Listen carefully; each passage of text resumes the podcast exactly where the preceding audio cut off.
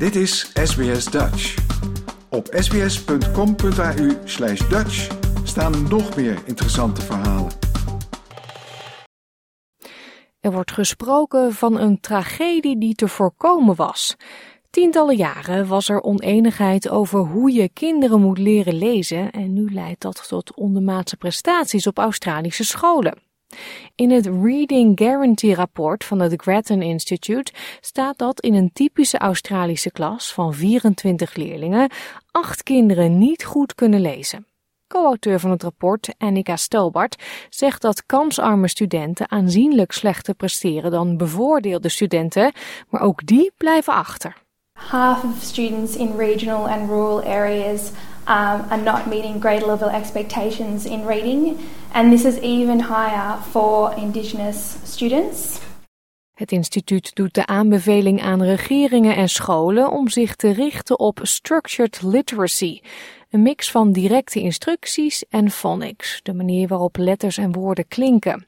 Een andere aanpak dan de whole approach, zoals professor Therese Hopfenbeck van de Universiteit van Melbourne die beschrijft. The whole language movement, students were able to understand a lot of words by simply being read stories for, by reading themselves, and they were supposed to figure out a lot themselves.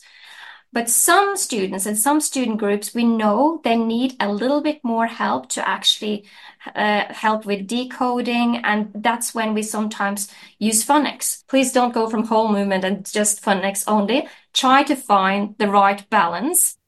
Het instituut stelt ook een nieuw ambitieus doel. Namelijk om het aantal bekwame lezers in de komende 10 jaar te laten stijgen tot 83% en tot 90% op lange termijn.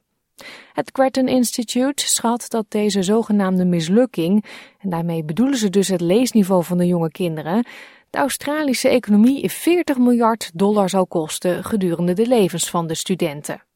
These students would have lower earnings over their lifetimes, but that governments would also lose out on tax revenue and pay more for health, welfare and justice. Uit het rapport blijkt ook dat een gebrek aan financiering op scholen voorkomt dat leerlingen met problemen de steun krijgen die ze nodig hebben. Daarom wordt er opgeroepen meer te investeren, onder meer door minister van Onderwijs Jason Clare. Hij dringt aan op verdere stappen. We've got to make sure that our public schools are properly funded, but we've also got to make that money work. We've got to make sure that we invest that money in the things that we know work, that are going to help kids who fall behind to catch up And catch-up tutoring is one of those things. Dit was een verhaal van Manas Angouri voor SBS Nieuws, door SBS Dutch vertaald in het Nederlands. Wil je nog meer soortgelijke verhalen? Luister via Apple Podcasts, Google Podcasts, Spotify of waar je je podcasts dan ook vandaan haalt.